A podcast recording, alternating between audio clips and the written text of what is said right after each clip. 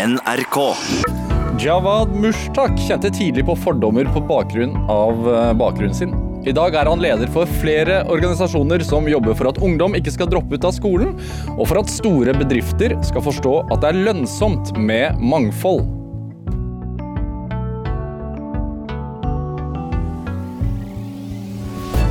Dette er Drivkraft med Vegard Larsen i NRK P2. Jawad Mushtak, hjertelig velkommen til eh, Drivkraft. Tusen takk. Vel, veldig hyggelig å ha deg her. Eh, hvordan har du det? Jeg har det veldig fint om dagen, altså. Det Ja. er, jeg. det er litt eh, værskifte nå, men bortsett fra det, så, så er det ganske fint. Ja, glatt, glatt å kjøre i gatene over det ganske land, nesten. Eh, du eh, etablerte noe som eh, du kalte for MAK. Eh, mangfold, ambisjon og kompetanse i 2014. Som, eh, så vidt jeg forstår, jobber for at bedrifter skal forstå at det er lønn lønnsomt med mangfold. Hva, hva var det du så som gjorde at du ville starte opp dette her? Så jeg har jo bakgrunn uh, som en andregenerasjons norskpakistaner uh, fra Halden. Eh, så, så jeg har alltid møtt på litt fordommer. Jeg har alltid møtt på mennesker som ikke har hatt troen på meg og ambisjonene mine. Helt til det punktet hvor jeg egentlig begynte å tvile litt på meg selv. da. Eh, Så, så først når jeg hadde reist ut, jobbet i utlandet, så begynte jeg å forstå at det at jeg snakket flere språk, eh, forsto flere kulturer, i tillegg til faglig ekspertise, var noe som var ekstremt verdifullt. Eh, Så jeg kom tilbake til Norge og så sa at vi har misforstått hele konseptet rundt mangfold. Vi ser på det som problematikk. Vi putter det i ulike båser, og så prøver vi å integrere det inn i samfunnet, i næringslivet. Gjøre, gjøre hverandre så like som mulig, egentlig? ja, e e egentlig. Eller så forsterker du egentlig forskjellene ved å si at du er en del av den gruppen. La oss hjelpe deg inn i bedriften eller i samfunnet. Så, så for meg så handlet det mer om at jeg så verdien av å ha det mangfoldet. Eh, og så sa jeg at la meg begynne å snakke samme språk som det eh, næringslivet snakker. Eh, I stedet for å snakke om problemet, la oss snakke om løsningen. Eh, og løsningen ligger jo at eh, vi er en eksportdrevet nasjon med 5,5 millioner mennesker. Vi er jo ikke en, en stor nasjon i det hele tatt. Og da må vi jobbe mer globalt, og da trenger vi mangfold og mangfoldige talenter. Så vi startet egentlig dette for å synliggjøre talentene gjennom å snakke fag, da. Ja. Hva, hva, liksom, hva var situasjonen i bedriftene den gang? Da? Eller, Det, det er jo et eh, Jo høyere opp du kommer i næringslivet, jo mer homogent er det jo. Eh, Det er jo et faktum, enten det er i forhold til kjønn eller etnisitet eller andre parametere. Eh, Og det gjør at vi får veldig mange hoder som tenker veldig likt. Som gjør at vi kanskje ikke skaper de nye tankene og nye nyskapning og innovasjon som vi egentlig trenger for å være konkurransedyktig også etter oljen. men er det, er det sånn som man, som man forestiller seg, at det er flest hvite menn over 50? Så hvis du ser på statistikken, så er jo det, det er en, en realitet at det er majoriteten. Ja. Definitivt. Eh, det har begynt å endre seg litt mer nå. Vi, eh, jeg tror Core gjorde en eh, undersøkelse på dette. her. De gjør en årlig undersøkelse på 200 største selskaper i Norge. Og jeg tror kvinneandelen i styrer var 33 eller noe. Og det er litt sånn kunstig dratt opp av den 40% kvoteregelen. Men det er også litt sånn et tall man må ta litt med klype salt. da, fordi hvis du, du kan jo fylle opp en kvoteregel på 40% men du kan ha de samme ti kvinnene i alle selskaper. Så har du egentlig fylt opp, men betyr det at du har reell likestilling? Ja. Ikke, eh, det betyr jo egentlig ikke det. Eh, og, og når det kom kvinner i ledelse, så tror jeg land, eh, tallet var på, på lavere del av 20-tallet. Eh, og når det kommer til etnisitet, da, så er tallet enda enda lavere. Hva snakker vi da? Eh, altså, hvis vi ser på Jeg tror det var snakk om de topp 50 selskapene som ble kartlagt nå i sommer. Eh, så var folk med en ikke-vestlig bakgrunn eh, i, i ledelser var kanskje 2 Oi. eh, Og for ikke-vestlige kvinner så var det under 1 Ja, så å si ikke ja, så, så å si ikke-eksisterende. Ja. Og så kan man jo alltid diskutere om at realiteten er at altså innvandring har jo på en måte Det er et ganske nytt fenomen i Norge, men det er jo ikke så nytt. 50 år. Eh, vi skal ha tid til å kunne hatt en progresjon, da. Og så begynner man å tenke litt på er det noen systematiske barrierer for den progresjonen. Eh, hvordan endrer man dette her? Og det handler ikke bare om at det er riktig i forhold til eh, representasjon, fordi vi har jo en by som Oslo som har 35% folk med innvandrerbakgrunn, og du har et land som har eh, 250 000 pluss innvandrere. Eh, men det handler mer om at vi må tenke mer mangfoldig for å være konkurransedyktige. Og veldig mange eh, med en flerkulturell bakgrunn som har høyere utdannelse. Det ser man jo. Absolutt. Eh, men hvorfor Altså, du, du sier jo at det var viktig for deg å, å snakke næringslivets språk. Og Jeg tenker jo næringslivets språk, det er eh, Det er positive kalkyler. Det er lønnsomhet, er det ikke det? Det- Absolutt. Du må begynne å snakke i, snakke i kroner og øre. Eh, jeg tror det er viktig, fordi hvis du skal være med på å skape en endring, så må du huske på at de du ønsker å skape endring med, er kanskje de som også er en del av problemet. Eh, og hvis du begynner å snakke om at dere er et problem, så er det ikke sikkert at du har lyst til å være med en del av samtalen og være med å skape endring. Eh, så jeg var i, i Genéve tidligere i år, eh, på World Economic Forum, hvor jeg møtte grunnleggeren, eh, Klaus Schwab. Han ble kritisert på scenen på hvorfor han inviterte mange av de ekstremt kapitalistiske selskapene med på bordet i Davos, eh, og også de, de selskapene som forurenser mest eh, globalt. Og så inviterte han også klimaidealistene. Så det han sa, var at det er ekstremt viktig å forstå alle sider av en sak. Eh, hvis du begynner med en sånn shame-kultur, som vi ofte har begynt med nå, så eh, utelukker du en gruppe som er helt essensiell for å være med i en del av endringen. Så, så det jeg egentlig tenkte, var eh, at uh, i stedet for å begynne å kritisere noen, en gruppe eller lignende, så må du snakke om hvordan kan man i fellesskap være med en del på å skape en løsning eh, hvor alle får en progresjon, hvor landene tjener på dette her. Altså rett og slett sånn eh, vi, jeg, jeg vil ikke at du skal bli tvunget til å, å ta mangfold i bedriften din, men du vil faktisk tjene på det. Så, så la, la oss narrativ, da. Så hvis jeg sier til deg at eh, her i din organisasjon så er det 80 menn, det, er et problem. La oss få flere kvinner opp. Man har minst 50 kvinner for å få balanse. Eh, du er et problem. Dere må gi bort makten deres eh, for å bli en del av, eh, av endringen. da. Det er ikke sikkert at du har lyst til å lytte på meg, men hvis jeg sier til at hvis jeg forteller deg at jeg har en ting som gjør at du, hvis du implementerer det, får 21% større sannsynlighet for økt finansiell avkastning i kroner og øre, er du interessert og villig til å lytte? Ah, jeg er interessert i å lytte. Ok, la oss snakke om det. Men, men stemmer det? Altså Ja. ja? Det har vært uh, gjort veldig mye forskning på ulike typer av mangfold i forhold til innovasjon, i forhold til finansiell avkastning. Uh, dette er uh, en veldig altså, mangfoldig sitert forskning fra, fra McKinsey Company, hvor de har sett på selskaper som har høy grad av kjønnsmangfold i forhold til sine industrimedianer, og høy grad etnisk mangfold. Så for kjønnsmangfold så var det 21% større sannsynlig for at de fikk økt finansiell avkastning i forhold til sine industrimedianer. For etnisk mangfold så var det 33 større sannsynlighet. Og da begynner du ikke lenger å snakke om at det er det riktige å gjøre. Dette er faktisk lønnsomt for bedriften. Men, men hvorfor øker det lønnsomheten, tror du? Altså sånn, hva, hva, er, grun, hva, hva er grunnen?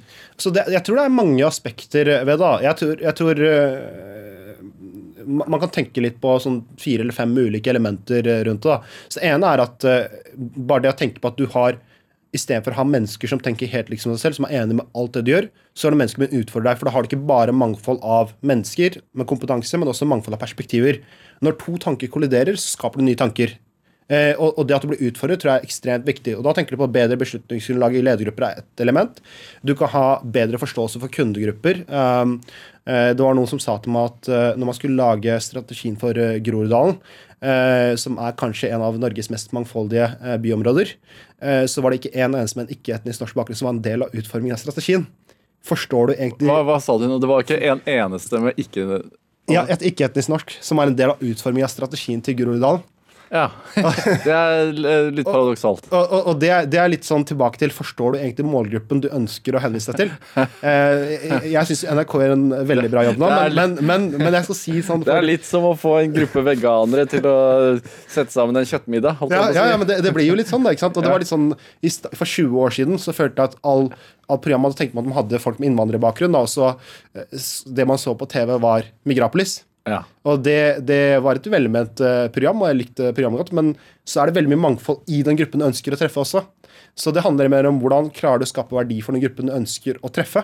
Og i fra en bedriftssammenheng så tenker du på at selskaper som Telenor, som har største markedene utenfor Norge i land som Pakistan, Bangladesh, Myanmar, Thailand Du har Equinor som har markeder i Angola, eh, Yara og Hydro i Brasil. Da må du forstå de lokalmarkedene du er der. Og da hjelper det ikke å ha en veldig homogen masse i en organisasjon som ikke forstår lokal business, ikke har lokal troverdighet. da. Nei, det er bedre med, med Jawad da, som, som har eh, pakistanske røtter, enn Vegard Larsen fra Serp. Delvis. Det, det, handler, det handler ikke bare om den mangfoldige bakgrunnen, det handler om mangfoldskompetansen. Og jeg tror det handler veldig mye om uh, at jeg kan ikke bare ha en mangfoldig bakgrunn og tro at det automatisk skaper en verdi. Jeg må også ha en fagkompetanse. Ja, ja, ja, selvfølgelig. Jo, jo, men, men, men uh, hvordan jobber du for at bedrifter skal forstå dette her, da? Så, Du er på radio i dag og prater om det, selvfølgelig, men sånn Det tror jeg er en ekstremt viktig eh, arena for å, å snakke om dette. her.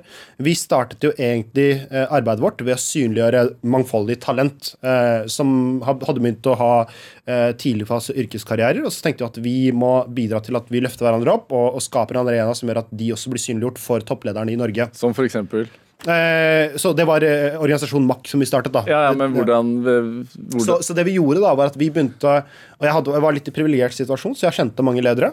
Så det jeg begynte å gjøre, var å demokratisere tilgangen til nettverket mitt. da. Så jeg sa til lederne hei, jeg har en gruppe med unge, talentfulle mennesker. Kan vi komme av en session hos dere? Hvordan plukket du ut de folka? Eh, så det var egentlig altså, litt sånn paradoks, da, fordi jeg startet med å jobbe med mangfold. Og de fem første jeg rekrutterte, var alle eh, andre generasjons norsk-pakistanere med siviløkonombakgrunn fra, fra øst i Oslo. det var ikke så mye. Og du, du er andregenerasjons pakistaner Ja, jeg er fra Halden, altså. Jeg var, jeg var det mangfoldet i gruppen. Ja, så- Så, så, så vi endret det senere, men det startet egentlig litt som et vennenettverk. Og så så vi at det var mye større behov for det, for det var veldig mange flere som begynte å spørre kan vi være med på dette her. Og da sa jeg at la oss begynne å utvide dette her, la oss begynne å gjøre det større. La oss begynne å skape arenaer hvor vi inviterer toppledere fra Norge eh, med, eh, på fagarenaer, hvor de snakker om fagkompetansen sin. Men de som deltar, har veldig mangfoldig bakgrunn.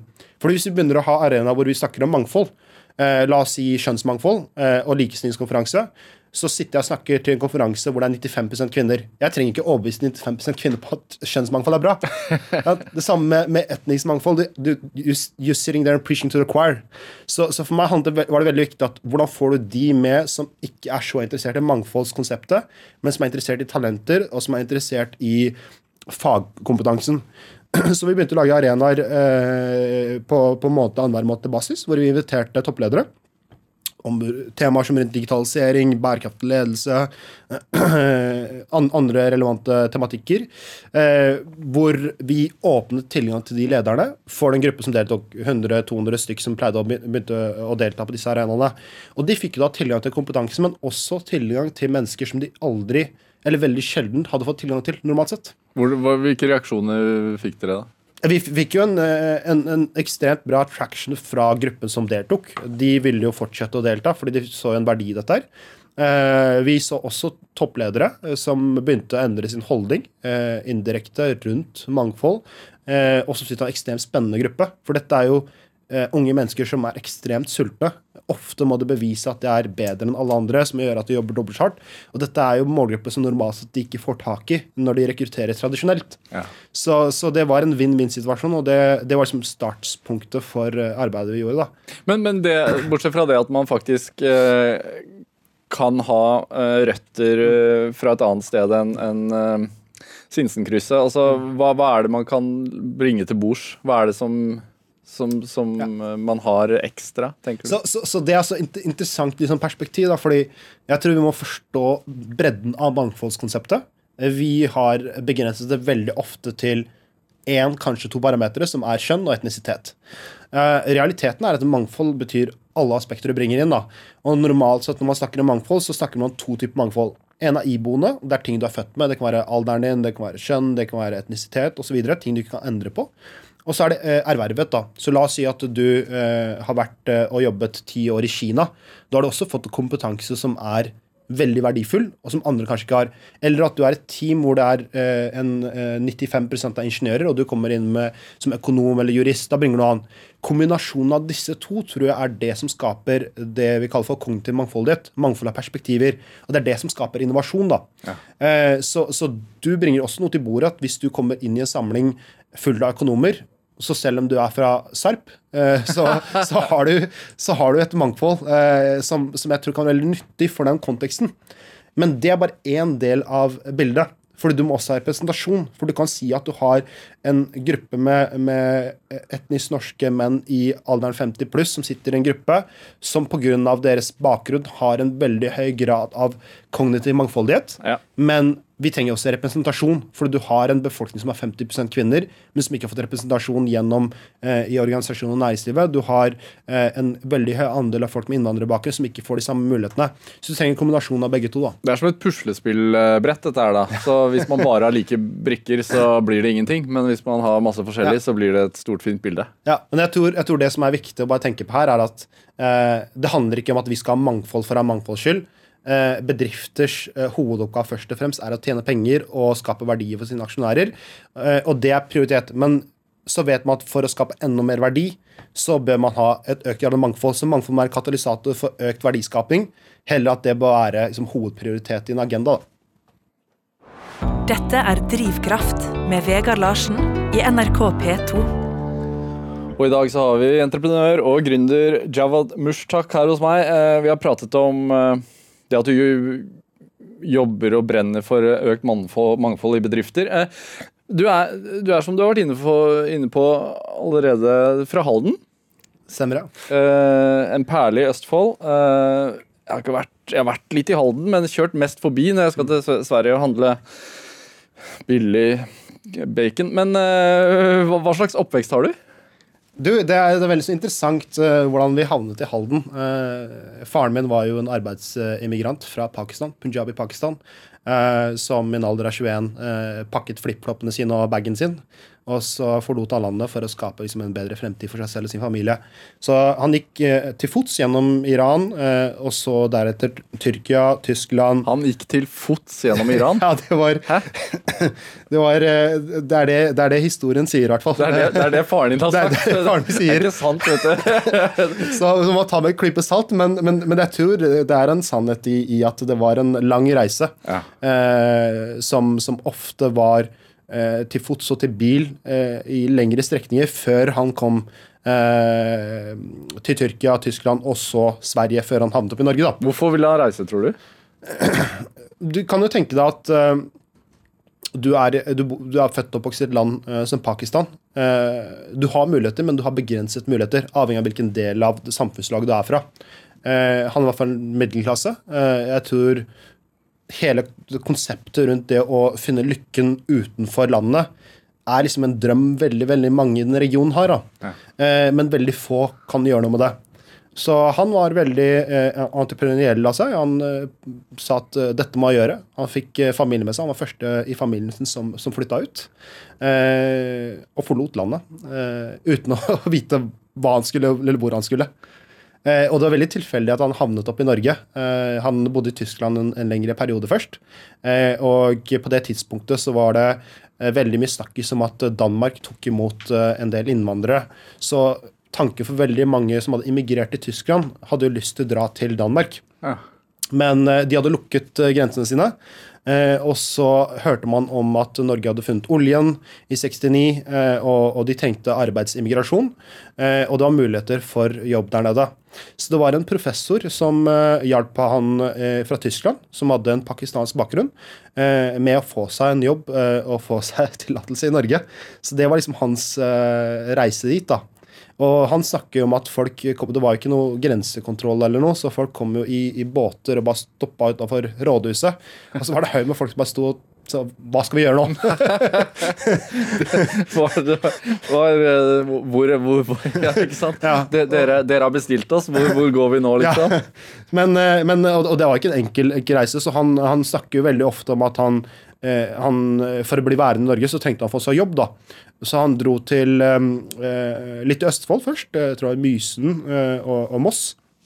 Han pleide å gå eh, daglig til fabrikker og banke på fabrikker og spurte om de hadde noe tilgjengelig jobb. da. Eh, helt til han til slutt faktisk fikk en jobb. Eh, det, var han, det var han og en kamerat av han som begge gjorde akkurat det samme. Eh, de sa de hadde en jobb. Faren min fikk den ene jobben, han andre fikk den ikke, og han reiste tilbake. Ha, tilfeldig, da. Veldig tilfeldig. Eh, så så det, det gjorde at han ble værende her. Eh, men han, han var jo utdannet eh, ingeniør. men fikk ikke noe relevant jobb i det hele tatt. Han måtte jobbe på gulvet. Ja. alt fra hoteller og restauranter. Til han en dag sa at ok, jeg må gjøre noe for meg selv. Så mens han, han jobbet med tingene, så tok han så handelsbrev, salgsbrev. For det måtte du ha for å starte opp butikker på det tidspunktet. Så det gjorde at han fikk noe veldig få andre hadde, og han sa at nå kan jeg starte noe for meg selv. da. Så han flyttet, eh, han startet først i Oslo, og så flyttet han senere da til, til Halden og startet det som het Grimsrødhøgda dagligvare. Ja.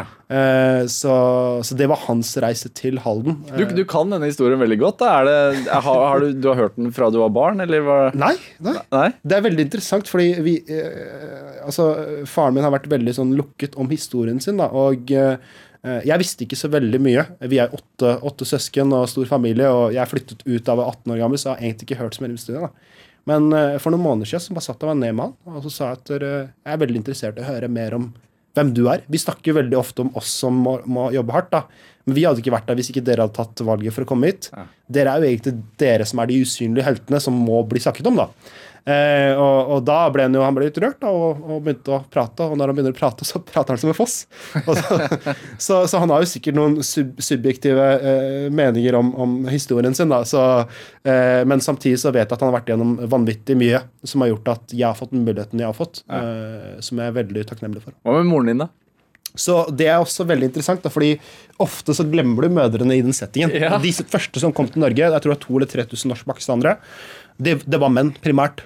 Um, men de eh, reiste ofte tilbake, eh, giftet seg og hentet da konene sine. Og på det tidspunktet så var det veldig naturlig og, normalt med arrangert ekteskap. Så faren min eh, fikk da en telefon fra sin eh, mor eh, som sa at vi har funnet en, en ektefelle til deg. Nå må du komme tilbake til Pakistan og gifte deg. Moren min var på det tidspunktet jeg tror var 18 år gammel.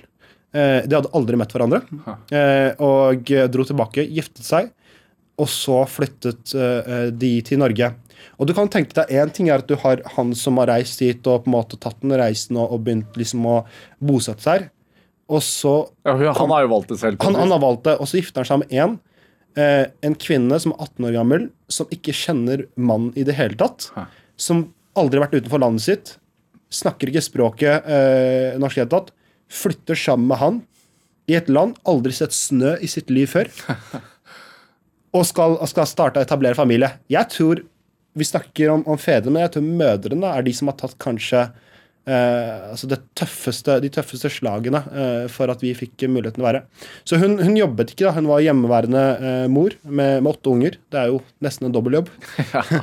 så, så det har vært ekstremt viktig for, for oppveksten. Og, og begge to hvor de har vært veldig bevisst på at vi skal ta høyere utdannelse. Vi skal bruke de mulighetene vi har fått.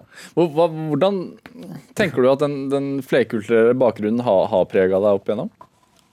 Jeg tror det har vært det eh, på godt og vondt.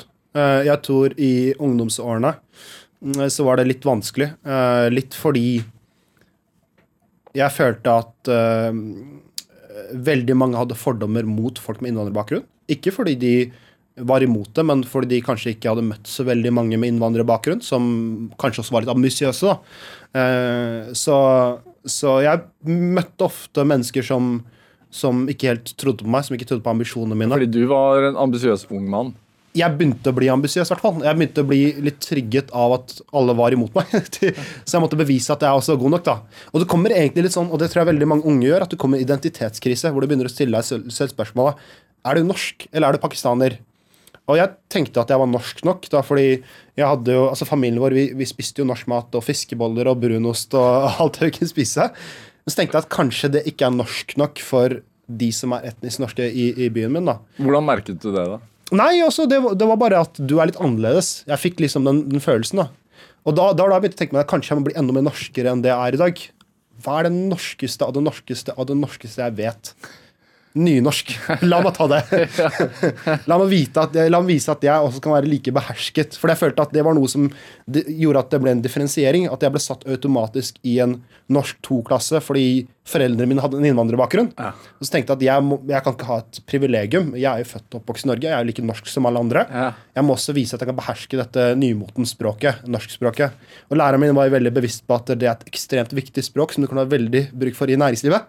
Eh, det er jo noe ting man kan diskutere i etterkant. Ah, nynorsk han var opptatt av. Det, det kunne man ha bruk for i næringslivet. Ja, det, det var i hvert fall eh, Var det derfor du tok det?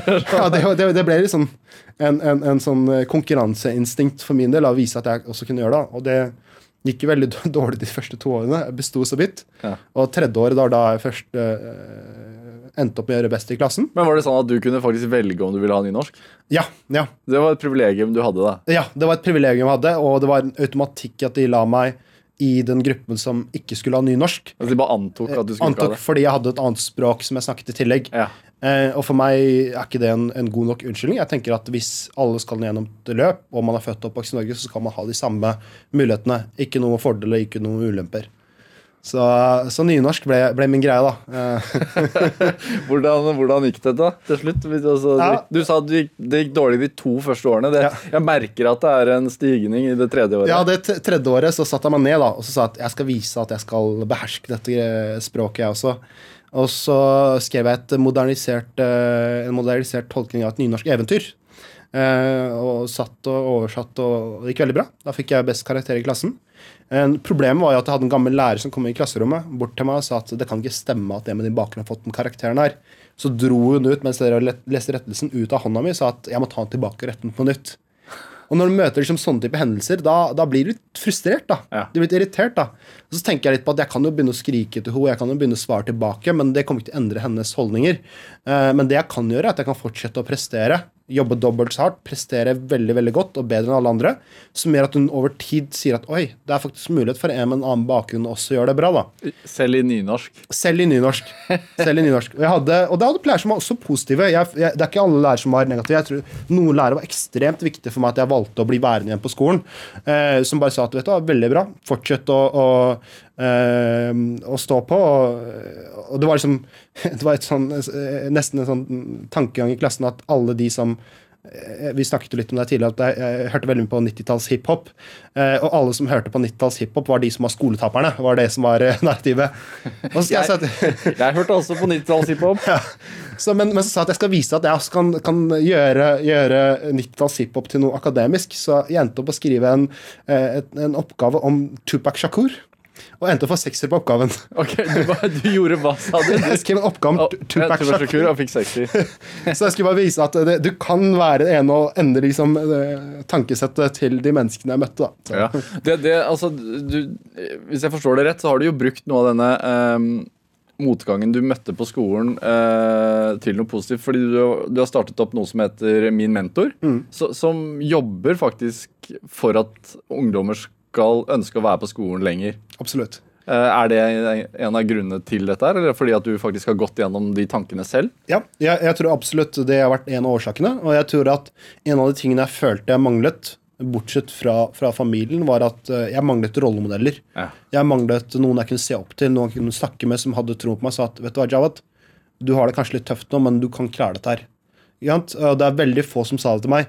Og jeg var veldig privilegert. Jeg føler at jeg hadde veldig sterk psyke som jeg gjorde at jeg klarte å, å, å, gå gjennom dette her. da. Men veldig veldig mange faller jo ut av skolen i dag. 25% folk som ikke fullfører på normert tid på videregående skoler. Veldig mange unge gutter. 25 ja, det er, det er høyt. Ja, og unge gutter med minoritetsbakgrunn har en veldig høy andel. Hvorfor tror du de er utsatt? Eh, det det er jo ikke et enkelt svar på det. Det er et større systemproblem. Det er alt fra at eh, skolesystemet passer ikke for alle.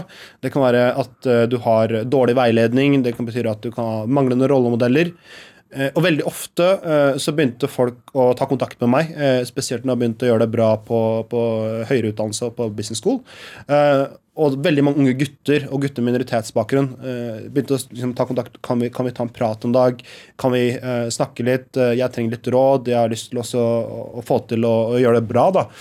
Eh, og da begynte jeg å se liksom en tendens der. da, at eh, Veldig mange av de unge kontaktet ikke meg fordi jeg var så mye mer eh, kompetanserik enn alle andre. Det var fordi jeg hadde en troverdighet og en tillit som var basert på bakgrunnen min. De så en som de kunne se seg selv i. De så en de kunne relatere seg til, som også hadde klart å være gjennom den kneiken og, og klart å lykkes i forhold til deres øyne. Og For meg var det ekstremt viktig når jeg begynte å realisere det, å si at uh, kanskje vi skal begynne å sette et system. Jeg vet at veldig mange som trenger hjelp, de trenger bare noen uh, å snakke til. Noen ganger så handler det om bare å lytte til noen i to minutter. Så kan det være på å skape en helt uh, stor endring som, som gjør at man går fra kneiken ved å holde på å falle ut, til å bli værende. Eh, så, så vi startet dette som et motsvar, hvor vi ønsket å få en del mangfoldige mentorer. Eh, alt fra alle etnisiteter, kjønn, også etnisk norske, med på dette her. Hvor vi går og besøker skoler som har veldig høy eh, andel med frafallsrate.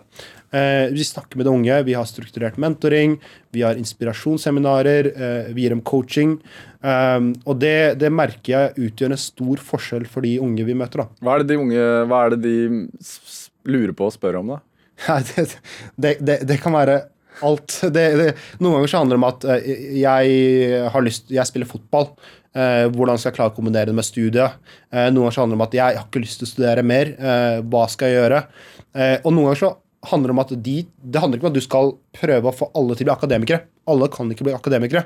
Det det handler om, er at du får utnytta potensialet ditt. Og hvis potensialet ditt er, og, og ønsket ditt og det du brenner for, er å sitte eh, som, en, som en, eh, som jobber på kassa på Kiwi, gjør det. Men da skal du bli den beste kassamannen eller kassadama på Kiwi som eksisterer i landet. Det bør være ambisjonsnivået. Og, og veldig ofte så bare trenger du å lytte til det og trenger å høre det. Og noen ganger så, så bare får jeg spørsmål om, om, om, om jeg er singel fordi de har en singel søster. Men, men var det sånn eh, da du var ung og, og møtte på ja, fordommer da, eh, i skolesystemet og sånn, var det ganger du tenkte sånn det her gidder jeg ikke mer? Absolutt. Jeg tror det har vært ganske mange ganger hvor jeg har vært veldig veldig nær på å bare si at dette er for mye. Uh, skal jeg fortsette, eller skal jeg hoppe ut? Uh, på, på ungdomsskole og videregående så var det ikke noe valg en, uh, bortsett fra å fortsette. På høyere utdannelse, så når jeg begynte å bli mer samfunnsengasjert, og jo mer engasjert jeg begynte å bli, jo mer følte jeg bare folk jobbet litt mot meg. da. For det er veldig sånn interessant eh, dynamikk med janteloven, hvor du har mennesker Alle skal være like, og det, det er bra. Men hvis du prøver å være ambisiøs eller prøver å gjøre noe, selv når det handler om å gi tilbake, så prøver du å dra deg tilbake.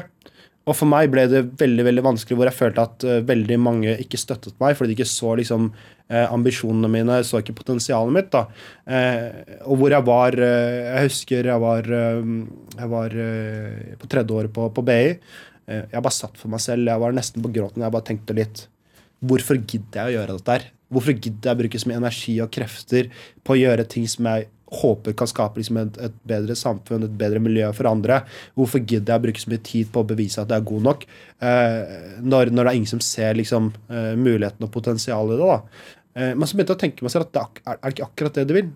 Eh, vi, vi, vi, altså vi, snakker ikke om, om suksess, vi, feirer ikke suksess i, i, like stor grad, fordi det er ikke noe man, man snakker høyt om i et land som Norge. da. Eh, og det at du feiler, da har du egentlig falt i en felle. Ja. Eh, så for meg var det veldig viktig at jeg fortsatte å gjøre det jeg gjorde. Fordi jeg visste at det jeg gjorde, var intensjonelt eh, godt av meg. Jeg visste at det jeg ønsket å få til, var noe som var bra. Og jeg visste at hvis jeg fikk det til, så kom det åpne dører for mange andre i etterkant. Da. Så, så det jeg så som et resultat, var mye viktigere enn det som var meg som person, som egentlig bare holdt på å droppe ut. da. Ja, og du, du var vel uh, i den tiden, eller like etter også, at du, du uh, ble, ble utropt til uh, årets økonomistudent mm. i landet. Og, og, det var jo også ikke bare pga. Økonomieksamen dine, men også pga. at du jobbet for mangfold. Da. Ja. Uh, liksom tilbake til ungdomstiden din, fordi jeg vet jo at du veldig tidlig, i veldig tidlig alder viste litt sånn uh, eller en business, business uh. Altså du, du, drev og kjøpte brukte mobiler og solgte de videre og sånn. Ja. Du kan tenke deg at uh, når du, har, du er en familie med åtte, åtte unger, uh, og du har én person av foreldrene som jobber, uh, og heller ikke godt betalte jobber, så er det ikke alltid at de har råd til å kjøpe ting til det. Uh, så noen ganger så må du jobbe, jobbe i en tidlig alder for å få råd til det selv. Så jeg fikk min første jobb da i, i Halden Arbeiderblad uh, som avisbud. Uh, og brukte første par lønningen min til å kjøpe en mobiltelefon. Så Nokia 3510. sånn på det tidspunktet high-tech med polyfoniske ringetoner og monokrom skjerm. Så, så, brukte jeg den en måneds tid, og så mista den i, i, vannet. Og jeg hadde ikke forsikring, så jeg kunne ikke få en ny telefon. Eh, og jeg hadde ikke råd til å kjøpe en like dyr telefon på det tidspunktet heller. Så jeg gikk på finn.no, uh, brukte litt uh, forhandlingsteknikk jeg hadde lært min far, eller pakistansk pruting. Hva er pakistansk pruting? det er at vi liker å prute på alt, og, og, og, alt som eksisterer. Alt som ikke er mulig å prute på, det pruter vi på også. så, så, fikk jeg meg en god telefon til god pris, da. Og så brukte jeg seks måneder, og så solgte jeg for, for mer enn jeg kjøpte den for. Og da tenkte jeg at dette er en businessmulighet. Ja. Så mellom alder av 13 og 15 så hadde jeg kjøpt og solgt 150 telefoner. Så, men, men det, var, det, var, liksom det ene elementet, da. Og det andre var jo på det tidspunktet så måtte du kjøpe ringetoner og du måtte kjøpe bakgrunnsbilder for 20 kroner per stykk. Og For meg var det altfor dyrt. Eh, Så jeg gikk sammen med en, en, kompis. Vi lærte oss litt koding. Og så lagde vi en, en nettside hvor du kunne laste opp ditt eget materiale og laste ned til en tiendedel av prisen. Problemet er at eh, det var min server, og jeg visste jo ikke så veldig mye om rettighetsbeskytta materiale. Så mange begynte å laste opp ting som ikke var helt lovlig i serveren min. Eh, og så fikk jeg en e-post fra et stort amerikansk selskap som sa at eh, du, hvis ikke du legger ned nettsida di fordi du har rettighetsbeskytta materiale fra oss, så saksøker vi deg. 15 år gammel, du blir litt redd. Blir litt redd. Så jeg la ned nettsida, og så seks måneder senere så starta noe nytt. Og det, egentlig, det det handlet om, var at bakgrunner skulle egentlig ikke være et problem for deg til å få til det du ønsket å få til. Uh, Du må skape dine egne muligheter. Ja. Eh, og det var det jeg forsøkte, at selv, selv om jeg ikke alltid hadde råd til det, så visste jeg at man kunne gjøre noe som gjorde at jeg klarte å skape mulighet, som gjorde at jeg fikk det enten billigere eh, eller på en annen måte. da. Og så genererte det penger, da. Og så genererte jeg penger. Og jeg tenker jo, siden du, du sa i stad du, du hørte på 90-talls-rap. Ja. Eh, det gjorde jeg også. En av de altså, tidenes beste 90-talls-rap-låter er Wu-Tang Clan sin låt 'Cream'. Absolutt. Eh, jeg syns vi skal høre på den. jeg. Absolutt. Cash Take rules everything national around me. Cream, get the Here we, money. here we go. dollar, Check dollar bill, this shit. yo. Yeah, I grew up on the crime side, the New York Times side. Staying alive was no job, had second hands. Moms bounced on old men. So then we moved to Shallon Land, a young youth. You're rocking the gold tooth, low goose. Only way I begin to G York was drug loot. And let's start it like this, son. With this one and that one, pulling out gats for fun. But it was just a dream for the team who was a fiend. Started smoking rules at 16 and running up in gates and doing hits for high stakes. Making my way on fire skates. No question, I was speed for cracks and weed. The combination made my eyes bleed. No question, I would flow off and try to get the dough off. Sticking up white boys on boardboards. My life got no better. Same damn low sweater. Times is rough and tough like leather. With a sick ass click and went all out. Catching keys from cross seas, rolling in MPVs. Every week we made 40 G's. Yo, nigga, respect my a nigga to tech notch. Ja, Du hørte Wu-Tang Clan sin uh, 90-tallshit hit 'Cream', eller 'Cash Rules Everything Around Me'. Og Du hører på Drivkraft på NRK P2. I dag har vi entreprenør og gründer Jawad Mushtak her hos meg. og Grunnen til at vi hørte den låta, er fordi at han var stor fan av 90-tallsrap, og i ung alder klarte å generere masse cash med å selge brukte mobiltelefoner. Uh, Jawad, vi, vi uh, snakka litt om min mentor, uh, eh, som du har startet opp, som, som bl.a. Jobber, for, jobber for at ungdom ikke skal droppe ut av skolen. Eh, eh, hva drøm, drømte du om selv da, som ung mann? Cash. Cash, ja. Skulle bli rik, da. Ja, ja, for jeg leste gamle intervju med deg eh, etter at du altså fordi Du fikk jo en del oppmerksomhet da du eh, ble kåret til årets økonomistudent. Eh, og, og at du også gjorde det godt på Harvard. Og, og der du, du sa jo, Da var du en ung mann. Du sa at målet var å bli styrtrik. Eh, E24. Jeg husker ikke hvor jeg leste intervjuet. Eh, ja, altså, er det, Når du snakker med unge mennesker i dag, er det målet ofte? Jeg, jeg tror det har endra seg veldig veldig mye nå. Ja. Uh, det er veldig interessant, fordi på det tidspunktet så tror du at uh, alt handler om uh, Og suksess eh, og lykke handler om at du blir rik. Ja. Eh, og så blir du mer moden og voksen og lærer litt mer ting. da Så skjønner du at eh, penger er bra, men det er ikke alt. Um, og så er det jo hendelser som gjør at du kanskje endrer mentalitet. Hvilke hendelser har du vært gjennom som har endret din mentalitet rundt det? da? Så, så i 2011 øh, så øh, holdt jeg på å kjøre broren min til øh, flyplassen. Hadde satt den av på flyplassen og kjørte på veien tilbake. Dette var i februar, tror jeg. Kjører tilbake fra Gardermoen, 90 km i timen, borte ved Skedsmo. Og så Bilen har, har bra dekk, da, men det hadde vært har falt en del snø, som har gjort at det begynte å bli ganske glatt på bakken. da. Eh, Og på begge sider så har rekkverk, så bilen begynner å skli 90 km i timen. Kjører ved grensa. Men så mister jeg kontrollen, og hvis du treffer rekkverket, eh, så knuser bilen. Så eh, den begynte å skli mot rekkverket, men akkurat da den traff det rekkverket, så lå det fem meter med en sånn haug av snø. Så jeg, bilen gikk over haugen av snøen, flippa 360 grader og landet på to hjul. Oi, Den landet, land- den gikk rundt? ja, ja, ja, den over rekkverket og landa på to hjul. Hvis den hadde landa på fire, så hadde den falt 20 meter inskjent ned. Eh, begynte totalsmadra. Kom ut uten en eneste skremme. Og da begynte jeg å reflektere litt da, på at eh, Wow.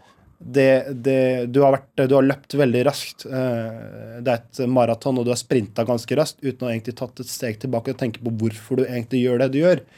Eh, hva er det du egentlig ønsker å gjøre, og hva hvis dette hadde vært din siste dag? Har du klart å oppnå det du ønsker å gjøre? Og svaret var nei. Eh, jeg begynte å tenke mer på at eh, noen av de tingene som du ikke kan kjøpe i livet, er, tid. Hvor, hvor du investerer tid, er ekstremt viktig. Og den dagen eh, tiden din er over, eh, har du da plantet nok frø som gjør at andre generasjoner også kommer til å bære frukter av arbeidet ditt. da. Altså, du hadde faktisk en sånn eh, Epiphany, nesten. epiphany, ja, en sånn oppvåkning. Altså Ja. sånn eh, Som var veldig definerende, altså. Ja. Definitivt. Og det, det gjorde at jeg begynte å tenke mer på at jeg tror, eh, jeg tror det å tjene penger er bra, men jeg tror ikke at det å tjene penger og bli styrtrik er alt.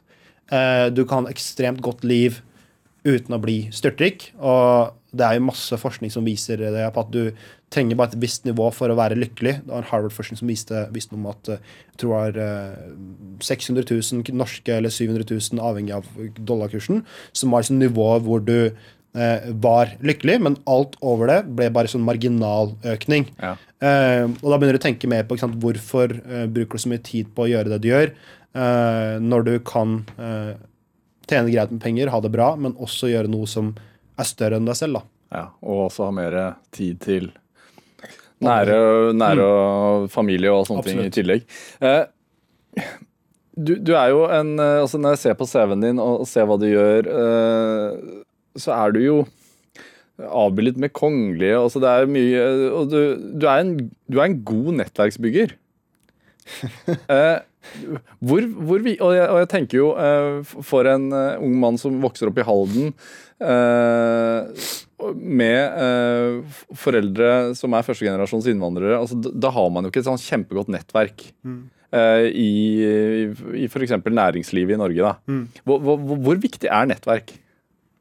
Og så jeg, tror, jeg, jeg har litt sånn tveget forhold til nettverk, da. Ja. Eh, og det handler litt om hvem jeg er som person også. Eh, det er veldig mange som, som tror at fordi jeg har møtt mange mennesker og kjenner mange med folk, at jeg har eh, Jeg elsker å nettverke, og jeg, jeg, jeg er en super networker osv. Jeg hater det nettverket. Er, det er, jeg, er, jeg er eh, litt introvert som person.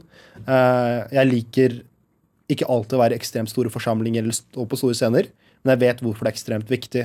Men det har bare vært skjedd litt sånn naturlig at jeg har vært i kontekst eller situasjon hvor jeg endte opp med å møte mennesker eh, hvor vi egentlig ikke snakker om at Jeg føler ikke at jeg ønsker å få noe ut av de. Jeg ønsker å lære noe ut av de menneskene jeg møter. da. Eh, en av mine mentorer eh, møtte jeg på en konferanse hvor vi satt i samme panel og snakket om innovasjon og entreprenørskap. Og så sa jeg til han at eh, du, du har en veldig spennende bakgrunn, og du har jo studert på Harvard, og du jobber i private equity nå. Jeg har lyst til å lære litt mer om liksom, reisen din da, og, og, og få litt refleksjon fra deg. Og så tok han ja, det skal vi gjøre. La oss ta en kaffe. Tok vi en kaffe, og så begynte det å bli en god relasjon. Og eh, over de siste tre-fire årene så har jeg vært en av de, de nærmeste liksom, mentorene mine, og som har vært ekstremt viktig støttespiller for meg. Eh, så jeg har aldri hatt en agenda, men jeg er veldig sånn, bevisst på at jeg ønsker ikke få noe ut fra deg. Hvordan kan jeg være med å hjelpe deg, eller støtte deg med det du gjør? Eh, og, og hvis du får en god relasjon med mennesker, så, så møter du mennesker. og Du ender opp i settinger og, og situasjoner hvor du møter mennesker som du ikke hadde trodd du skulle møte. Kanskje jeg har hatt flaks noen ganger. Eh, eh, veldig mye flaks. Jeg ble kalt for gutten med flaks fra jeg var liten. Um, Hvorfor det? ja, det var, det var veldig sånn rar greie. De kalte meg for um, fetter Anton fra Donald Duck. Fordi jeg deltok på konkurranser eh, fra en tidlig alder og endte opp veldig ofte å vinne ting. Og jeg vet du er jojo-mester. ja, det, det også. Og det var egentlig fordi jeg ikke hadde så veldig mye annet å gjøre i Halden. Så, satt man i hagen og begynte å liksom, spille med jojoen. Ja. Men, men jeg bare deltok en gang, så var jeg med på en eh, vi, har, vi hadde to sentre i Halden på det tidspunktet. Tista senter og Halden storsenter. Halden storsenter lagt ned nå. På Tista senter så kom Sesam stasjon. Um, da tror jeg jeg gikk eh, på barne- eller ungdomsskolen. Ungdomsskolen kanskje. Og de hadde en tegnekonkurranse. Jeg, had, jeg er helt elendig til å tegne. Uh, og eh, jeg endte opp med å bare sist, ved siste liten tegnet et tog på et linjet papir som var ja, og leverte det inn. Uh, og endte opp med å vinne en Nintendo 64, som var ganske ny på det tidspunktet. Problemet var at vi hadde ikke noe TV hjemme til å spille Nintendo på. uh, så det var bare sånn setting hvor, hvor eh, jeg fikk jeg, jeg vet ikke. Jeg har vært naturlig veldig privilegert, og det er jeg veldig takknemlig for. Jeg, Jeg, jeg, jeg vet jo eh, altså Gjennom eh, Mak og, og også, også eh, firmaet ditt eh, JM, eh, Ja. eh, så, så, så jobber du jo med, med det å få mangfold inn i bedrifter. Mm. Men jeg vet jo altså du jobber altså Du var nylig, du kom nylig hjem fra Pakistan. Der jeg skjønner det sånn at Du prata om hvordan pakistanske innvandrere i Norge kan bidra til en eh, utvikling og en endring i Pakistan. Mm. Så det er, det er den andre veien igjen. Eh, hva pratet du om da? det, det er også en annen ting som jeg er ekstremt interessert i. Hvordan vi kan være med å bidra til at innovasjon, entreprenørskap og teknologi kan være på å skape bærekraftige jobber eh, og, og eh, vekst, økonomisk vekst i utviklingsland. Da. Ja. Pakistan har jo veldig interessant forhold til Norge. Eh, nest største ikke-vestlige diasporaen i Norge er norskpakistanere. Du er det første som kom hit. Um, du har eh, den største uh, utenlandske investeringen i Pakistan er gjort av et norsk selskap, av Telenor, eh, som er et av de største markedene deres. Eh, så det er veldig interessant link mellom Norge og Pakistan. Men det som tradisjonelt har vært problemet til Pakistan, er at de som er rike i Pakistan, har investert pengene i utlandet. Og de som har vært eh, diaspora som har flyttet ut fra Pakistan og vært vellykkede, de har også investert enten i utlandet, eller så gir de penger tilbake, eller så begynner de å donere til eh, å lage en skole eller lignende. Men det skaper ikke en økonomisk vekst i landet. Så de siste tre-fire årene så har det skjedd en veldig interessant endring i det landet. Og det er at eh, det er veldig ung befolkning. Det er 210 millioner mennesker. Jeg tror det er femte største i verden. Eh, 60% er under 25 år. Og så har det begynt å bli en veldig høy andel av mennesker som har tilgang til mobiltelefon, smarttelefon. Eh, og det har gjort at det har skapt mange nye løsninger nå. Eh, de har hatt en, en, eh, noe som heter Karim, som er eh, det de kaller for Midtøstens Uber. Eh, som ble nettopp solgt for eh, jeg vet ikke mange milliarder eh, US dollars til, eh, til Uber. Eh, og det gjorde at det skapte en eh, vekst av unge mennesker som hadde lyst til å også se på entreprenørskap som en mulighet eh, til å bli vellykket. da. Ja. Så det skjer noe veldig spennende. Og de siste tolv månedene har skjedd veldig mye spennende ting, hvor flere selskaper har begynt å hente flere investeringer. Flere venture capital-fond har begynt å investere i Pakistan så er det interessant å tenke på at det er veldig stor pakistansk diaspora utenfor Pakistan. Og det er en relativt stor diaspora i Norge og Norden. Eh, og istedenfor at vi sender penger tilbake til familie eller donerer penger, hvordan kan vi begynne å investere penger i oppstart- og tech-selskaper, som gjør at vi kan begynne å skape bærekraftige eh, arbeidsplasser for landet, som også kan skape en vekst og økonomisk vekst for landet. Så det var det jeg snakket litt om. Så jeg var invitert på den største tech-konferansen i Pakistan. Eh, vi har eh, 1000, det var 1600 eh, stykk eh, fra overalt i verden. Eh, alt fra investorer, gründere, tech-folk. Og jeg snakket om Halden. Du snakka om snakka om Halden Eh, Jeg snakket om Halden som et case, eh, for Halden er en, eh, faktisk en av de globalt ledende smart cityene, som er veldig interessant. Og jeg snakket om Norge og Norden som en, hvor du har en sterk diaspora som har lyst til å gjøre noe mer enn å bare sende penger tilbake, der de ønsker å gjøre dette her. Og det var veldig bra traction på det. Jeg tror vi fikk en ekstremt bra respons. Veldig mange var interessert i å se hva vi kan gjøre med diasporaen utenfor Pakistan. Eh, Så det var en spennende reise, altså. Ja, så, så det du gjør egentlig er å prøver å forandre tankesettet vårt, at vi ikke skal tenke så lokalt, men tenke mer globalt generelt. Da, både med folk man ansetter, men også hvor man ser eh, markedene sine. Ja, absolutt, og det er en av tingene. Og det handler ikke bare om norsk-pakistanere, men det handler også om norske gründere og investorer kan se på et land som Pakistan, som har 210 millioner mennesker, som et potensielt marked for å, å, å lansere produktene sine eller for å investere. Og det tror jeg er ekstremt spennende. Vi er jo et land med fem millioner mennesker. Det er jo ikke en uh, mellomstor by i et land som Pakistan engang. Uh, men det markedet der er såpass stort, og, og det vokser ganske mye, som gjør at det er veldig interessant å begynne å se på det. Spesielt fordi vi har en god relasjon fra et norsk perspektiv. da. Ja, og da vil det vel lønne seg å ha eh, arbeidere med med flerkulturell bakgrunn som faktisk snakker språket i stallen. Ja, absolutt. Ja. Du, du begynte med, med, med Mack i 2014. Um, har du sett en endring? Ja, uh, definitivt. Uh, Det har vært uh, mange krefter som har vært en del av endringen nå. Eh, Jeg tror det ble, Hele debatten rundt mangfold ble løftet som følge av eh, metoo-bevegelsen. eh, Og blitt satt veldig veldig høyt på agendaen. Eh, Samtidig så føler jeg at det er en del av debatten som har kommet enda lenger enn det vi har eh, hatt før, og det er skjønns- og likestillingsdebatten.